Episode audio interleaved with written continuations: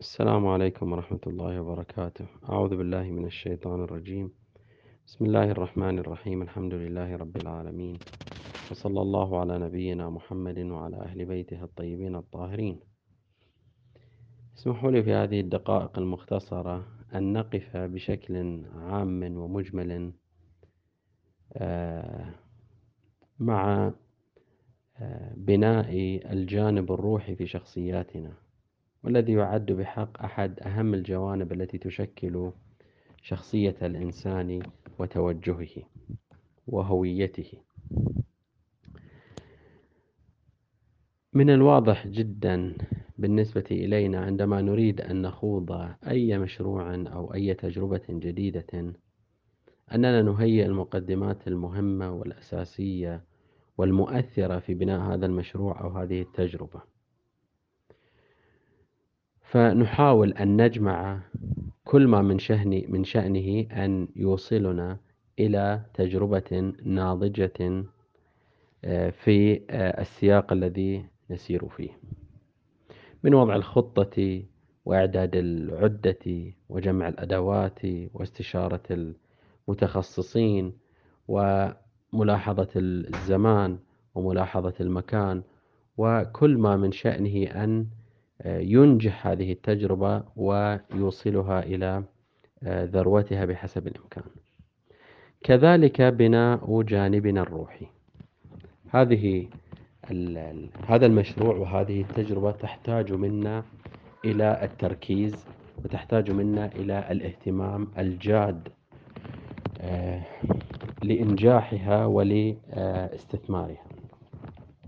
شهر رمضان المبارك يعتبر القمة في آه، بناء التجربة الروحية لدى الإنسان ومشروعه الروحي. ولذلك وجدنا أن الدين الإسلامي هيأ الإنسان أو وضع للإنسان برنامجا خلال شهرين على الأقل أساسيين للوصول إلى تلك التجربة أو ذلك المشروع أو ذلك آه، أو تلك المحطة وهو قد تهيأ بكل طاقته وقدرته للاستفادة من العطايا الإلهية في شهر رمضان. مضى شهر رجب وهو المحطة الأولى والمقدمة الأولى في هذا السياق. ونحن اليوم في شهر شعبان، الشهر الذي يرجع الفضل في الكشف عن موقعيته في البناء الروحي والمعنوي لرسول الله صلى الله عليه وآله. هناك العديد من الروايات التي يمكن الاطمئنان بأن بأن رسول الله صلى الله عليه وآله يعطي هذا الشهر خصوصية على سائر الشهور. ربما يكون هناك يوم في السنة له خصوصية أو يوم آه، آخر مثلا في شهر معين ولكن أن يهتم رسول الله صلى الله عليه وآله في بشهر كامل ويحاول أن أو يسعى أن يتزود من عطايا هذا الشهر فهذه نقطة مهمة ينبغي أن تثير انتباهنا. في هذا السياق أجد أن آه، أن نضع لأنفسنا برنامجا آه، كما نضع لمشاريعنا الأخرى برنامجا وخطة لكي نصل إلى المقصود. برنامجنا في شهر شعبان لابد أن يكون أو من المقترح أن يكون التهيئة الروحية المناسبة لاستقبال شهر رمضان. هناك أعمال كثيرة وردت في كتب الأدعية وفي الروايات المباركة، ولكن هناك نقطة ربما آه، من المناسب أن نلتفت إليها، وهي أن نراجع ماذا يراد منا في شهر رمضان. بتعبير آخر ما هي المراكز أو البرامج التي ركز عليها الإسلام في شهر رمضان.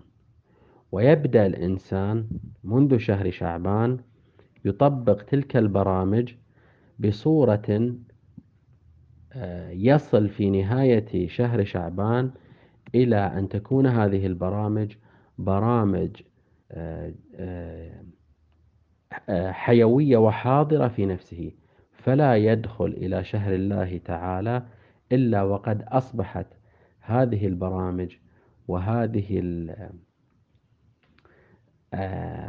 نقول العبادات المطلوبة من شهر رمضان صارت في النفس مطمئنة حاضرة اعتاد عليها الإنسان اعتيادا واعيا.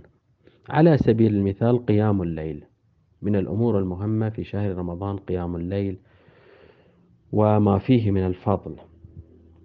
لنعود أنفسنا في شهر شعبان أن نقوم الليل نحاول أن نقوم جزء من الليل حتى تكون أنفسنا معتادة مستأنسة بالقيام بالليل.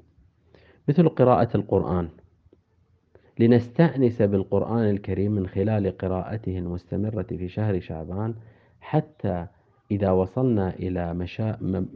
نعم بدايات شهر رمضان واستقبلنا شهر الله نستقبله ونحن مستأنسون بتلاوة كتاب الله سبحانه وتعالى. فتكون قراءتنا بالتأكيد قراءة واعية حاضرة. الدعاء والمناجاة. لنخصص بعض ساعات يومنا للمناجيات وللدعوات. ونبدأ بمتابعة كتب الأدعية. هناك دعاء ربما تسكن نفسك إليه أو مناجاة تجد أنها تحكي عن واقعك وما تعيشه في داخل نفسك من مخاطبة الله سبحانه وتعالى وبث همومك إليه. أيضا صلة الرحم. صلة الرحم من الأمور المهمة في شهر رمضان وفي سائر السنة ولكن في شهر رمضان تتأكد لنعتد على صلة الرحم لنتواصل مع آه، أرحامنا أهلينا أقاربنا أصدقائنا نتواصل معهم نعود أنفسنا بأن نسأل عنهم عن ما يحتاجون إليه وعن آه، ربما ما يواجهونه من صعوبات. أيضا الصدقة وتفقد آه، أحوال المحتاجين. لنعتد على الصدقة لتكون الصدقة جزءا من برنامجنا اليومي. في شهر شعبان حتى ننتقل إلى شهر رمضان وقد باتت أيدينا مفتوحة لإعطاء هؤلاء الفقراء والمحتاجين والمستضعفين الذين ربما ازدادت أمورهم سوءا خلال هذه الظروف الصعبة التي ربما فقد الكثير من من الناس أو عدد لا بأس به من الناس أعمالهم. هذه مجموعة من الأعمال هناك أعمال كثيرة ولكن على رأس هذه الأعمال هو الورع عن محارم الله. ربما اعتاد الإنسان على ممارسة فعل سيء معصية معينة والعياذ بالله صغيرة كبيرة. ربما لا يلتفت بأنها معصية ربما آه، اعتاد على فعلها ولا يقصدها ولكن اعتاد على فعلها. فلنعود أنفسنا في هذه الفترة في فترة شهر شعبان أن نتورع عن محارم الله. في الخطبة التي استقبل رسول الله صلى الله عليه وآله شهر رمضان سأله أمير المؤمنين في مضمون الخطبة ما هو أفضل الأعمال؟ عندما سرد رسول الله مجموعة من الأعمال الخيرة في شهر رمضان سأله أمير المؤمنين ما هو أفضل الأعمال؟ قال الورع عن محارم الله.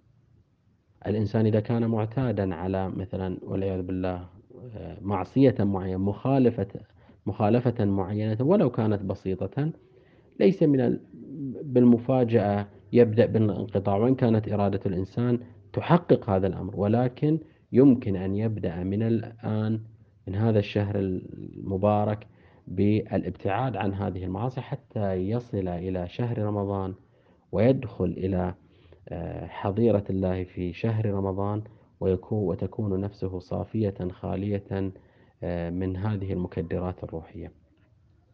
هذه آه، مجموعة من المقترحات مجموعة من الإثارات قد تكون ذات فائدة بالنسبة للأخوة والأخوات.